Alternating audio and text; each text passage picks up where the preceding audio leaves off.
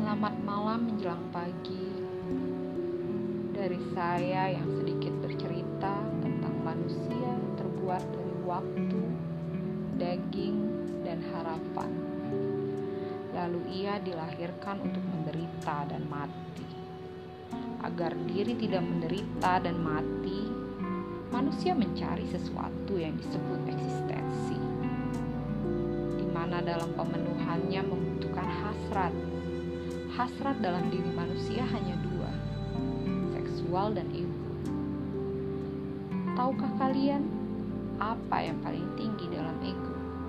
Tentu saja gengsi. Dan bodohnya, manusia berlomba-lomba mencapai gengsi. Padahal sejatinya manusia terbuat dari waktu, daging, dan harapan. Yang mana di kala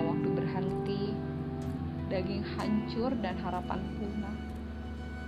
Tidak ada lagi eksistensi setelahnya.